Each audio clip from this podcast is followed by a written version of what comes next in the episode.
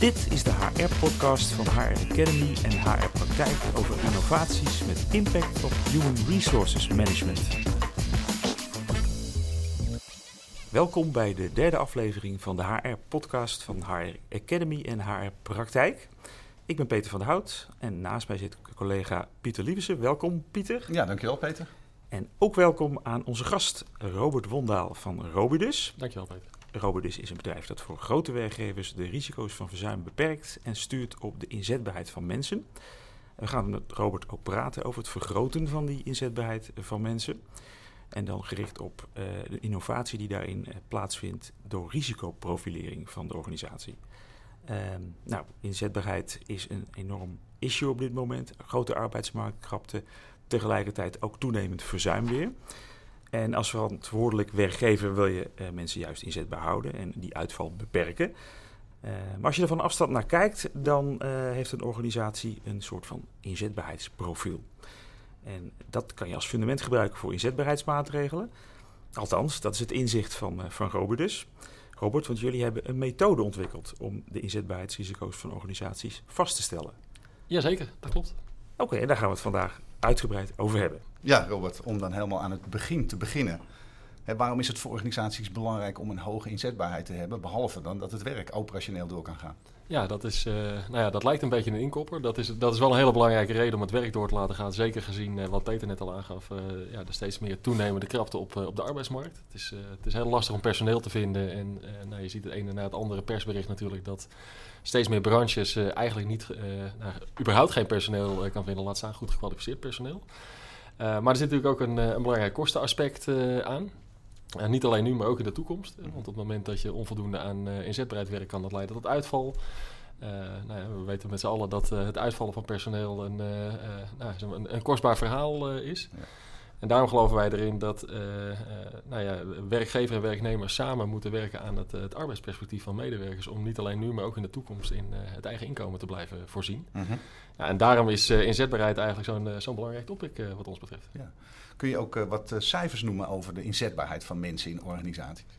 Jazeker. -hmm. um, nou ja, de, uh, eigenlijk is zeg maar, het niet inzetbaar zijn, nou, kan je eigenlijk vergelijken met, met verzuim. Hè. Je ziet het ongeveer het, het gemiddelde verzuim in Nederland is 4%. Dus mm -hmm. dat houdt eigenlijk in dat ongeveer 96% inzetbaar is.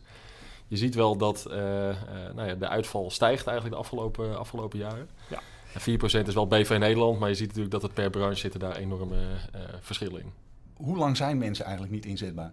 Je zegt verzuim is 4%, maar is dat kort, langdurig? Nou, dat is een, een interessante vraag. Uh, want je hebt natuurlijk uh, ja, mensen die niet inzetbaar zijn, maar uh, er is ook nog een hele groep mensen eigenlijk die een inzetbaarheidsbeperking hebben. Ja. En die zijn ja, niet ziek, ze zijn wel aanwezig, maar of ze daadwerkelijk ook nou ja, productief zijn en eigenlijk doen wat je van, van ze verwacht, dat is nog een tweede. En dat is natuurlijk best lastig inzichtelijk te krijgen. Mm. Dus daar zit ook nog wel een heel deel verborgen kosten wat ons betreft.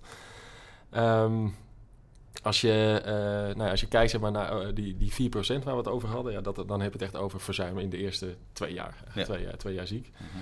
Waarbij we wel de afgelopen jaren een trend zien dat de kosten met name in het, uh, in het langdurig verzuim liggen. -huh. Um, en ja, dat is natuurlijk ook gelijk lastig te, te beïnvloeden. Ja. En vandaar ook dat je de trend naar inzetbaarheid ziet. Omdat we er wel met z'n allen in geloven dat als je meer aan de preventieve kant werkt, dat dat uiteindelijk impact gaat hebben op je langdurig verzuim en je wie-instroom wat erachter plaatsvindt. -huh. Ja, en als mensen dan natuurlijk uh, ziek worden, dan is er naast uiteraard een persoonlijk vervelende situatie. Is er ook een operationeel probleem. Maar voor werkgevers is er natuurlijk ook een financieel probleem.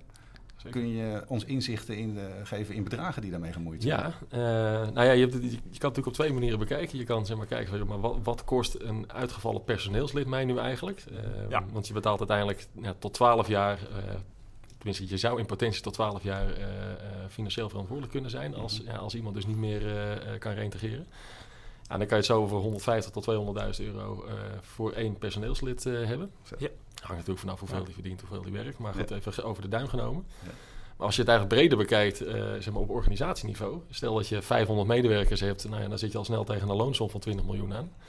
Als je het dan hebt over 4% verzuim, dan zit je al op 800.000 euro aan uh, kosten voor uitval. Ja. en dan heb ik het alleen maar over de directe kosten. Dan heb je natuurlijk ook de, uh, nou, daaromheen de uh, vervangingskosten. je moet nou, zeg maar het verzuim beheersen. Je hebt arbo-kosten. Ja. Dus reken daar nog maar eens 50% bovenop. Zo. Ja. Dus dan zit je al op 1,2 miljoen. En dan komen daar nog eens extra factoren omheen van eh, niet je productie kunnen draaien, eh, klanten die ontevreden zijn, eh, misschien wel een hoger verloop. Nou, zo Ja. zijn er heel veel factoren die erachter nog komen. En ja, dat is bijna niet te geld uit te drukken. Ja, ja. En er is natuurlijk een wettelijk kader hè, waarbinnen werkgevers hun medewerkers moeten doorbetalen bij ziekte. Hè, dat is dan de sociale zekerheid. Je noemde net al even de VIA. Er is ook eh, de WGA. Nou, het is een beetje eh, onduidelijk. Afkortingen zijn we gek op, hè, met, eh, met z'n allen. Ja. Kun je even kort uitleggen hoe dat in elkaar steekt? Ja, zeker. zeker. Nou, ik zal het inderdaad heel kort, kort uitleggen. Nou, mensen die kiezen niet voor ziekte. Dus ja, hopelijk gaan zo weinig mogelijk mensen hiermee te maken krijgen. Maar op het moment dat je een keer nou ja, dat, je, dat je uitvalt en je bent ziek, je, je verzuimt. Eh, dan heb je twee jaar lang een loondoorbetalingsverplichting als werkgever. En eh, nou ja, er is wettelijk vastgesteld dat je eh, minimaal 170% van het salaris gedurende die twee jaar moet, moet betalen. En na de twee jaar, als iemand nog steeds niet gereïntegreerd is, dan gaat het UWV die gaat keuren en die gaat bekijken in hoeverre iemand nog in staat is om geld te verdienen. Mhm. Dat is wat anders dan vroeger, toen we de WO hadden, wat iedereen natuurlijk nog kent. Daar werd met name gekeken wat je, wat je niet meer kan verdienen. Bij de WIA, eh, de wet werk en inkomen eh, naar arbeidsvermogen, wordt het idee was om dat andersom te bekijken. Ja. En uiteindelijk eh, besluit het eh, UWV in hoeverre je dan nou ja, nog arbeidsgeschikt bent. Lees, stel dat je 65% arbeidsgeschikt bent, betekent dat dat je 35% arbeidsongeschikt bent. En eh, dan zijn er eigenlijk drie situaties waar je in terecht kan komen. Als je minder dan 35% arbeidsongeschikt eh, bent, nou, dan krijg je geen uitkering. En dan heb je een minder dan 35 status, zoals dat zo mooi noemen. Eh, nou, de, de tweede variant waar je in kan, in kan vallen, als je dus volledig en duurzaam arbeidsongeschikt bent, dan val je onder de inkomensvoorziening volledig arbeidsongeschikte, de, de IVA. Nog een, een afkorting uiteraard. En eigenlijk alles daartussenin val je, val je in de WGA. En dan heb je het eigenlijk over de, de regeling voor gedeeltelijk arbeidsgeschikte. En dat zijn mensen eh, eh, die uitgevallen, tenminste eh, mensen met een status die tussen de 35% en de 100% arbeidsongeschikt liggen. Mhm. En het verschil met de IVA is dat er geacht, wordt, eh, dat er geacht wordt dat de arbeidsongeschiktheid niet duurzaam is. Dus dat betekent dat ondanks dat je volledig arbeidsongeschikt bent, eh, er wel een kans bestaat dat je op termijn weer kan eh, deelnemen aan het arbeidsproces. Juist. Heel ingewikkeld technisch verhaal. Ja. Eh, daar, daarachter, eh, en dat is, dat is misschien wel even relevant voor de werkgevers onder ons. Ehm, op het moment dat er staat dat er eh, sprake is van een 0 tot 35 situatie, dan zitten daar voor de rest geen kosten aan. Want eh, eh, ja, iemand die eh, werkt dan niet of die kan niet bij jou werken, maar daar zit geen uitkering aan. Eh, de kosten die eh, te maken hebben met de IVA-regeling, dat wordt eh, zeg maar, publiek gefinancierd.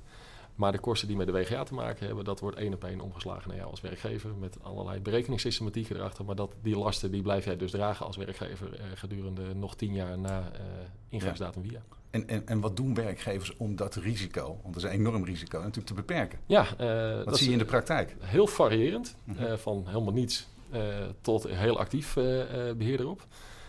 Nou, ik denk een belangrijk element ervan, eh, eh, nou, die, die meesten van ons wel kennen, is een keuze bijvoorbeeld voor een andere wijze van financiering. Je kan eh, die kosten via het publieke stelsel laten lopen of je kan eigen risicodrager worden. Waarbij eigen risicodrager is eh, betekent dat je zelf de kosten voor je rekening neemt en daarmee ook de reïntegratieverplichtingen voor je rekening neemt. En je ziet met name werkgevers die meer in de driver eh, seat willen zitten, die kiezen voor, eh, eh, eigenlijk voor die regeling het, het eigen risicodragerschap, om daarmee nou, beter te kunnen sturen op eh, zeg maar, het reïntegreren van, eh, eh, van de medewerkers. Mhm. Ehm, ja, je, je, je kiest er dan wel voor om eh, niet gedurende twee jaar, maar gedurende twaalf jaar die reïntegratie naar je toe te trekken. Maar wij zien wel degelijk dat, eh, nou, ja, dat het een positief eh, effect heeft. Ja. Zeker bij de mensen die nog wel wat kunnen op termijn. Ja. Daar kan je dus privaat ook voor laten verzekeren, Ja, voor dat ja. stuk. En daar kan je, nou, je kan dat zelf dragen, de kosten, of je kan daar nog een verzekeringsconstructie eh, achter zetten. Omdat het wel, eh, nou, je hebt het wel vaak over lange termijnen, een, Ja. een risico van 10 jaar. Dus veel werkgevers kiezen ervoor om dat eh, via een verzekeringsconstructie op te lossen.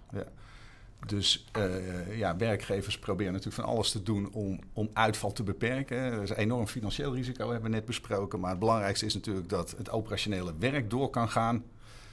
En dan zitten jullie op een enorme hoeveelheid data en dan gebeurt er wat. En dan komt die innovatie. Ja, zeker. Nou, mo- Mooi bruggetje.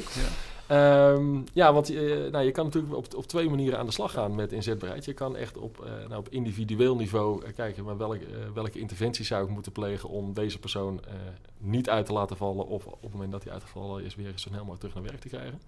Maar wij geloven er ook wel in dat er juist een stap voor zit.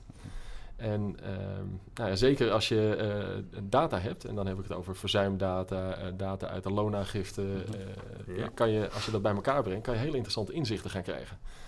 En daarom zijn wij eigenlijk ja, opgekomen op het inzetbaarheidsprofiel. Zodat je per fase van nou, zeg maar, inzetbaarheid kan kijken van oké, maar wat gebeurt er nu eigenlijk? En als ik het heb over fase van inzetbaarheid, wat bedoel ik daarmee? Je hebt natuurlijk gewoon mensen die volledig inzetbaar zijn. Je hebt mensen die uitgevallen zijn en zeg maar nog in, een korte verzuimsituatie zitten, waarbij de verwachting is dat ze wel weer terugkomen. daarna heb je natuurlijk een lange verzuimsituatie en na twee jaar de arbeidsongeschiktheidssituatie. Maar, maar mag ik nog even terug naar het begin? He, dus een werkgever die komt bij jullie, die wil eigenlijk zijn inzetbaarheid zo hoog mogelijk houden. En wat gebeurt er dan eigenlijk praktisch? Hoe komen we uiteindelijk tot dat profiel, dat inzetbaarheidsprofiel? Uh, nou, het begint eigenlijk uh, met een, uh, nou, het verzamelen van data. Heel, mhm. heel simpel gezegd. Want als je de data niet hebt, dan is het ook heel lastig om zo'n profiel op te, op te gaan stellen. Dus het hangt een beetje vanaf of het al een, een, klant van ons is of dat het een, een, nieuwe klant is. Want van onze bestaande klanten, ja, daar doen wij veel dienstverlening voor. Dus hebben we al een bepaalde hoeveelheid data in, in het systeem zitten. Ja. Bij nieuwe klanten nou, vragen dan met name data uit over verzuim, over via en nou, de dienstverbandgegevens. Die kunnen wij in ons systeem laden. Er zit een data warehouse uh, achter, zo'n soort data vault. Ja. Dus daar, uh, ja, daar kunnen onze mensen kunnen daar niet in om die data uh, zeg maar op dossierniveau te bekijken. Maar daarboven zit, nou, als ik het plat slaat, een eigen soort BI-omgeving.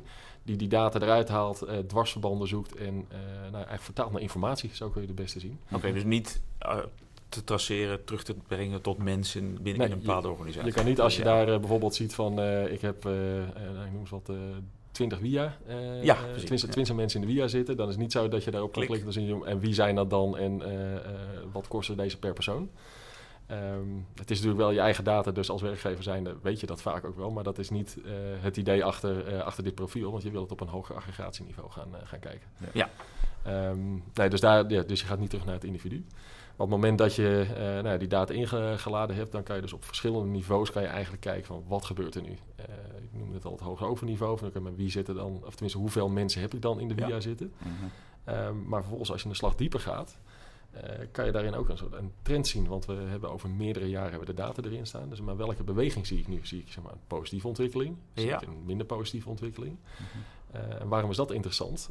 want dan kan je ook inzien van, oh, stel nou dat ik beleidswijzigingen heb doorgevoerd is het wel fijn om te zien van wat is dan het effect van die beleidswijzigingen. En daarom is het wel belangrijk dat je het jaar over jaar terug kan, ja. uh, terug kan zien. En, en, komen er ook nog variabelen in terug, zoals wat is de opbouw eigenlijk van je, van je personeelsbestand? Zit daar veel ouderen in of juist jongeren? Hoe zwaar is het werk? Is het alleen kantoorwerk of is het ook heel fysiek werk? Zijn dat soort variabelen ook in het model betrokken? Ja, met name die eerste is, uh, want nou, de, de, de, tweede is lastig om dat uit deze data te, te halen. Maar dat kan je wel weer in een verdiepingsslag kan je, nou, kan je dat natuurlijk aan toevoegen. Ja. Uh, wat wel een hele belangrijke is, is uh, dat kan je natuurlijk uit, uh, eigenlijk uit je dienstverbandgegevens halen. Van hoe zijn mijn leeftijdscohorten opgebouwd? Ja. ja. Heel interessant, een mooi voorbeeld te noemen, heb je met een, een, klant een discussie over de instroom in VIA. En nou, als je daar kijkt welke, welke mensen daar eigenlijk ingestroomd zijn, dan nou, bijvoorbeeld zijn dat dan vaak mensen, wat, wat oudere mensen met fysiek zware beroepen. Uh, en als je dan kijkt ook naar de opbouw van je organisatie en je ziet ook dat het, dat het zwaartepunt eigenlijk van je organisatie in die doelgroep zit, mm -hmm. uh, nou, dan is het wel eens raad om na te gaan denken, joh, moet ik misschien niet mijn uh, arbeidsmarktcommunicatie op een andere doelgroep gaan focussen? Ja. Ik noem even een heel simpel, ja. simpel voorbeeld, maar dat maakt het wel tastbaar. Nou, en dat soort inzichten, ja, dat krijg je alleen maar als je eigenlijk die verbanden gaat zien van, uh, nou, van, vanaf je inzetbare personeel tot aan, uh, tot aan wie. Ja. ja, want je hebt het nu bij verschillende organisaties al, ook al gedaan, als ik het goed, uh, goed begrijp. Um, hebben jullie ook al wat feedback gekregen over, ja, je gaf net al een voorbeeld van, het kan soms een aha-label schrijven. Maar hoe betrouwbaar zijn de gegevens eigenlijk? Want ik kan me voorstellen dat de organisaties misschien wel de discussie aangaan als ze dan dingen terugkrijgen uit de data. Er gaat altijd de discussie aan. uh, nou ja, de, de, betrouwbaarheid van de data. Ja, het is uiteindelijk de data van onze klant. Dus uiteindelijk is uh, je inzichten zijn alleen wat waard als je data goed is. Ja. Nu zit daar, uh, nou, ik wou zeggen bij grote organisaties, maar eigenlijk bij alle organisaties is, is databetrouwbaarheid altijd wel een ding. Want mm -hmm. ja, wat je eruit haalt is zo goed als wat je erin stopt. Ja. En op het moment dat je, uh, als jij niet uh, je processen goed ingeregeld hebt om al je ziekmeldingen goed te registreren en dat je geen wie-administratie bijhoudt, dan kan je er ook niet zoveel mee. Dus dat is wel echt je eerste stap om te Ja, zorgen. dat moet ja, wel op orde zijn. Absoluut. Wil je kunnen dan, eh, profileren. ja, anders heeft het, eh, heeft het totaal geen zin. Ja. Eh, gelukkig, wij gebruiken vaak een, eh, de loonagifte. En die zie je over het algemeen dat die betrouwbaar is. Want ja, Ja. daar worden Ja. mensen op basis daarvan worden ze ook uitbetaald. Dus daar, daar komt al snel bovendrijven als dat Mm. niet, eh, niet goed gaat. Eh, en dat, dat geeft wel een solide basis. Maar je hebt helemaal gelijk, als die data eh, er niet is of onbetrouwbaar is, dan eh, wordt, het een, ja, dan wordt het een lastige discussie en dan ga je er uiteindelijk niet uitkomen. Kan je nog meer voorbeelden noemen van inzichten die het oplevert? Je gaf er net al, al één. nou ja, wat, wat bijvoorbeeld wel een hele mooie is dat je een discussie met een klant die zag dat zijn verzuim, zeg maar, zijn aantal verzuimmeldingen enorm aan het stijgen was. En ja, hoe- hoe kan dat nu? Ja, je hebt soms wel seizoensinvloeden, daar, daar leek hier geen sprake van te zijn. En op het moment dus dat je eigenlijk naar de achterliggende data gaat kijken, zag je ook dat het met name mensen zijn, eh, of tenminste dat het aantal ziekmeldingen eh, bij een grote groep zit met een hogere verzuimfrequentie. En dat eh, bleek te zijn bij mensen die nog relatief kort in dienst zijn. Mhm. En eh, je zag uiteindelijk eh, mensen die binnen een half jaar drie, drie, vier keer ziek gemeld hadden, dat zij allemaal in de proeftijd een eerste ziekmelding hadden. Nou, dan ga je toch afvragen van, hé, hey, eh, heb ik hier beleidsmatig wel de juiste keuzes gemaakt? En eh, nou, je ziet ook, die hebben het beleid ook aangescherpt. Want zij zagen ook dat die mensen eh, die eh, zeg maar, al in de proeftijd zich ziek gemeld hadden, zagen ze ook een lagere binding, zat een hoog verloop aan. Eh, Ja. Dus zijn ze gaan kijken van, hé, maar dan, eh, tenzij er een, een, eh, nou, zeg maar, een echt aanwijsbare reden voor het, eh, voor het verzuimen is, eh, wordt de, eh, eigenlijk de proeftijd niet verlengd op het moment dat iemand één of twee keer al uitgevallen is in de proeftijd. En daardoor zie je uiteindelijk dat hun meldingen fors gedaald zijn, de verzuimfrequentie eh, gedaald, het totale verzuim gedaald. Eh, maar heeft het hun ook geholpen om eigenlijk te kijken van, hé, maar ehm, ik moet dus een ander type medewerker aannemen. Je ziet ook dat het verloop daardoor gedaald is. Dus dat heeft een hele hoop positieve spin-offs. Juist. Want nou, nou is zo'n profiel gemaakt. Hoe, eh, zeg maar, hoe is dan het proces om eigenlijk tot de benodigde interventies te komen? Je nu, noemt er nu eentje die zit eigenlijk helemaal aan de voorkant bij, de, hè, bij de selectie van Ja. personeel. Het kan eigenlijk wat meer in zeg maar, echt het inzetbaarheidstraject zitten. Van goh, we hebben toch wel wat veel uitval. Wat moeten we doen? Moeten we misschien ook, we hebben het in de eerste podcast gehad over een fietsenplan. Is het, moeten we gezonder Ja, eten? Ja, dat is altijd een goed idee om gezonder te eten. Eh, nou ja, dus, nou, er zijn eigenlijk verschillende wegen. En ehm, je kan dit eenmalig doen.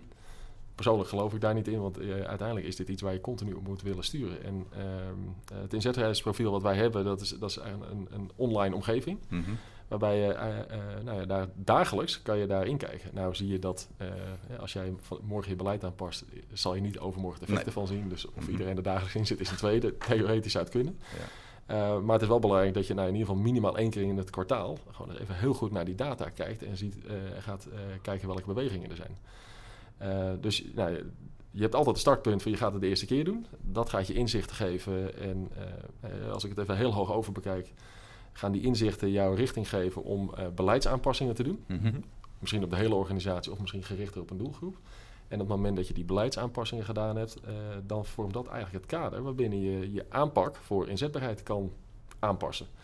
Eh, want we vinden een heel mooie fietsenplan, hè, het voorbeeld wat je noemt. Ja. Ja. dat is natuurlijk hartstikke gaaf als je dat voor het hele bedrijf een fietsenplan doet.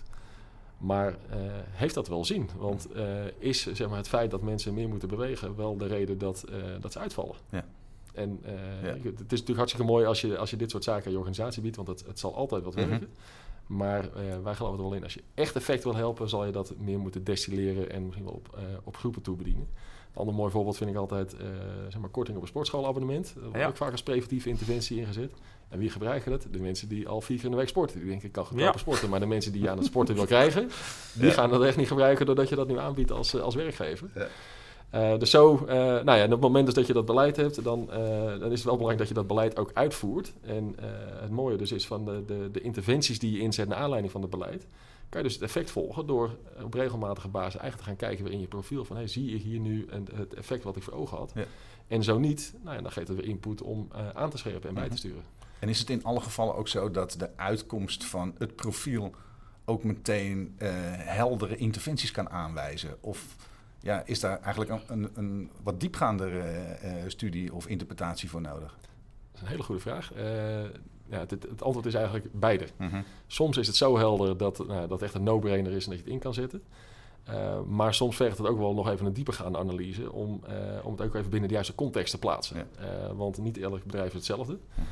En uh, daarom is het ook wel belangrijk dat je de discussie met elkaar uh, erover hebt. Dat je de inzichten die je hebt, uh, nou ja, dus bediscussieert. Ik kijk ook in welke context zit jullie bedrijf. als je in een reorganisatie zit, ja, dan is het niet gek hè, dat je kortverzuim misschien ja. omhoog gaat. Ja. Om even een simpel voorbeeld te noemen. Ja. Um, want ja, je kan niet zomaar rukzichtloos daar nieuw beleid op gaan, gaan maken. Dus wij adviseren wel zeg maar, om die tussenstap nog, nog te nemen. Ja. Hoe lang werken jullie nu al met inzetbaarheidsprofielen bij organisaties? Uh, ja, eigenlijk al heel lang. Niet op deze, deze manier, maar uh, dat is ook wel een beetje het DNA van onze organisatie. Wij zijn, uh, ja, wij zijn gek op data en analyses en inzichten mhm. creëren. Dus dat, ja, dat hebben we eigenlijk altijd gedaan, maar toen noemde het geen inzetbaarheidsprofiel. Dan ja. dat je bijvoorbeeld een via-onderzoek waarin je eigenlijk het, het, het, profiel, of tenminste het via-profiel van de organisatie inzichtelijk maakt. Mm -hmm. ik denk dat wij nu een jaar of vier, nou in ieder geval deze filosofie aanhangen. Mm en ja, in eerste instantie was dat gewoon een plaatje wat we een keer getekend hebben vanuit die filosofie. Van nou, wij geloven erin dat als je dit uh, op deze manier aanpakt, dat het je gaat helpen. En daar zijn we eigenlijk de afgelopen jaren steeds meer lading aan gaan geven. En nu eigenlijk een standaard onderdeel van onze werkwijze bij, mm bij onze klanten. Want zijn er ook mooie uh, cases, zeg maar, zowel in stijging van inzetbaarheidspercentage of misschien in zelfs beperking van uh, enorme kosten te noemen om het nog wat levendiger te maken? Ja, zeker. Um, nou, wat, je, wat je ziet met naar klanten waar we al wat langer mee, mee bezig zijn, dat je wel daar een structurele daling van de via-populatie ziet. En mhm. dat, die zit natuurlijk aan het einde van de keten. En daar zie je ook wel dat als jij nu een interventie doet op bedrijfsniveau ja, dan, dan uh, voordat dat uh, effect heeft op de wier-populatie, ja, daar gaat gewoon uh, twee, drie jaar overheen voordat je dat effect ziet. Ja. En dat zijn klanten waar we nu nou, misschien al vijf, zes jaar mee samenwerken. En dan zie je gewoon wel, ik wou zeggen, een structurele daling van de wier-populatie, maar eigenlijk wil ik het een verbetering van het via-profiel noemen. Ja. Um, en ja, waarbij het, waarbij het zelf zo gunstig is dat, dat er eigenlijk ja, weinig knoppen meer zijn daarom aan te draaien. Dus dan moet je mhm. weer een paar stapjes terug in het proces waar je nog wat verbetering Want komen die mensen dan weer terug eigenlijk in de organisatie? Of blijven die arbeidsperspectief houden ook bij andere organisaties? Beide. beide. Het is, uh, uh, kijk, het feit dat je uh, niet meer aan het werk kan of zeg maar je geld niet meer kan verdienen binnen je huidige werkgever, omdat gewoon de functies niet bij je passen. ja, daarmee kan je nog wel heel veel kansen in de buitenwereld hebben. En ik mhm. vind een heel mooi voorbeeld, vind ik, wij begeleiden heel veel WGA-gerechtigden. En op zeer regelmatige basis zie je ook dat een, WGA-gerechtigde van een van onze klanten bij ons instroomt. Mm Omdat wij bepaalde, activiteiten wel hebben die zij uh, bij hun werkgever niet kunnen doen. Ja. En dat voor ons weer een hele mooie toegevoegde waarde kan hebben. Ja.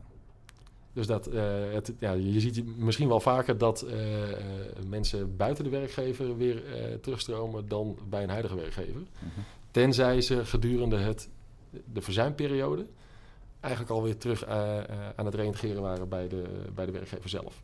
En um, dit profiel, is dat voor bepaalde type organisaties bedoeld of voor bepaalde branches? Of is dit breed toepasbaar? Uh, nou, de, de, theorie is breed toepasbaar. Uh, wat mij betreft. Maar uh, je ziet natuurlijk wel, uh, zeker op het moment dat je het op organisatieniveau wil zien, dan helpt het wel als je wat meer data hebt. Dus je ziet wel hoe groter de organisatie, hoe beter. We hadden het net over een organisatie van 100 man. Als die één keer in de vijf jaar een via-instromer heeft, ja. dan geeft dat weinig inzichten ja. natuurlijk om te sturen. -huh. Maar het kan wel helpen, met name de inzichten die je krijgt uit je, gewoon je zeg maar inzetbare populatie en misschien je kortverzuim. Daar kan je wel weer interessante inzichten uithalen. -huh. Dus daar Um, daarom zeg je, ik, ik denk dat het, zeg maar, het model en uh, de filosofie op elke werkgever zou kunnen passen. Maar ja, hoe groter je bent, hoe meer data je hebt en hoe meer inzicht je kan, uh, kan krijgen. Ja. Dus dan wordt het wel waardevoller. Ja, want voor elke organisatie geldt natuurlijk, als je weet uh, wat je inzetbaarheid bepaalt, dan kan je natuurlijk ook veel gerichtere interventies gaan. Exact, ja, ja. dat is precies wat ik ermee, wat ik ermee bedoel. Alleen ja, dan uh, voor, voor, voor, een organisatie van 100 man heeft het niet zoveel zin om je, uh, zeg maar, om je via-profiel helemaal nee. uh, door te gaan akkeren.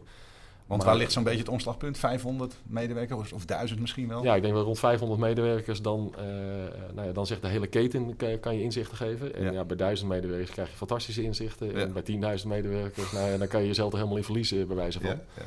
Uh, maar je ziet, ik had het over die leeftijdscohorten. Ja, dat, dat kan je al bij een bedrijf van 50 man bij wijze van, kan je daar natuurlijk al interessante profielen uithalen.